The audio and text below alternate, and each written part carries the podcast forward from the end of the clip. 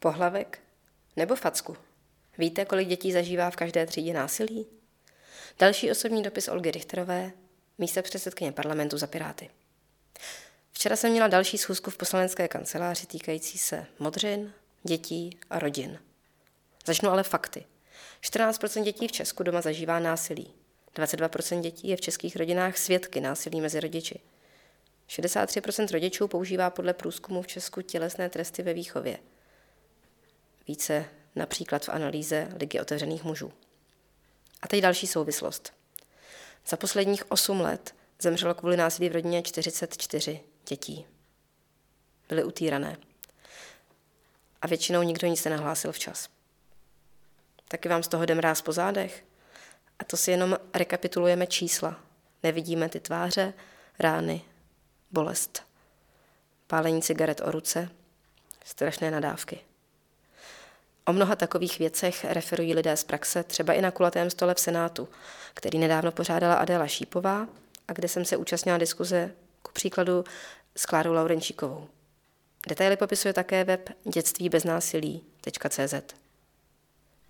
Co říkáte třeba na citaci z blogu jedné matky, že si dítě porodila a může si s ním tedy dělat, co chce, však ona sama byla bytá a je v pohodě a svoji matku miluje. Z diskuzí na toto téma je mi úplně fyzicky špatně. Jen si představím, jak se děti v takových rodinách asi cítí. Jako věci? Objekty? I na to pálení cigaret o ruku jsou lidé schopni veřejně psát komentáře typu to nebude tak hrozné. Člověku, co to zažil nebo zažívá. Aby se změnil přístup české společnosti k násilí na dětech, je jasné, že potřebujeme i legislativní změnu.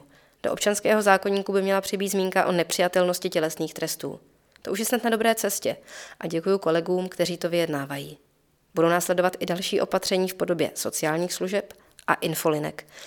Dále chystáme zákon o dětském ombudsmanovi. Ten by měl pomoci v obzvlášť zapeklitých případech a jeho přípravu si vzal na starosti pirátský ministr pro legislativu Michal Šalomoun. Co je ještě důležité zmínit k tělesným trestům? Nová právní úprava nebude rodiče za pohlavek zmíněný zde v úvodu ani kriminalizovat, ani zavádět postihy. Jsem přesvědčená, že vykročit z letitých začarovaných kruhů máme jinak. Smyslem změny však rozhodně je upozornit na jasnou hranici a na pomoci tomu používat jiné výchovné prostředky. Bytí dětem zkrátka škodí, ať už jsou jeho svědky, nebo když ho sami musí snášet. A snažíme se přitom změnit i to, že i běžné situace rozvodu mají pozornost orgánů sociálně právní ochrany dětí o spodu a pozornost soudů, ale pak není dost zaměření právě na ty děti, co budou mít doživotní následky. Existuje totiž takzvaný mezigenerační přenos násilí. Děti opakují ty vzorce chování, které pochytí doma, potom ve svých budoucích vztazích. To, co mi líčí řada lidí z praxe, s čím se setkávám v nejhorších příbězích, jsou strašné zkušenosti dětí, které jim předávají jejich často hluboce traumatizovaní rodiče. A u některých dětí se o týrání nikdy nikdo nedozví. Násilí v rodinách zůstane skryté a bude se předávat dál. Přeju si, ať ten řetězec přetneme v co největším počtu případů.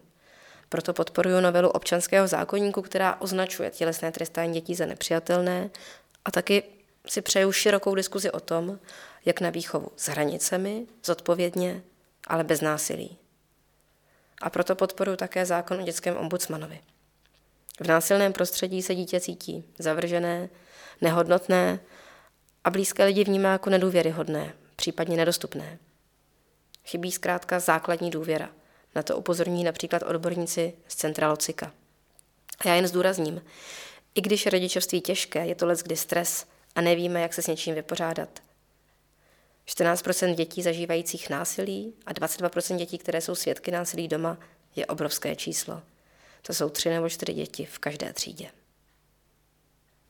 Vaše Olga.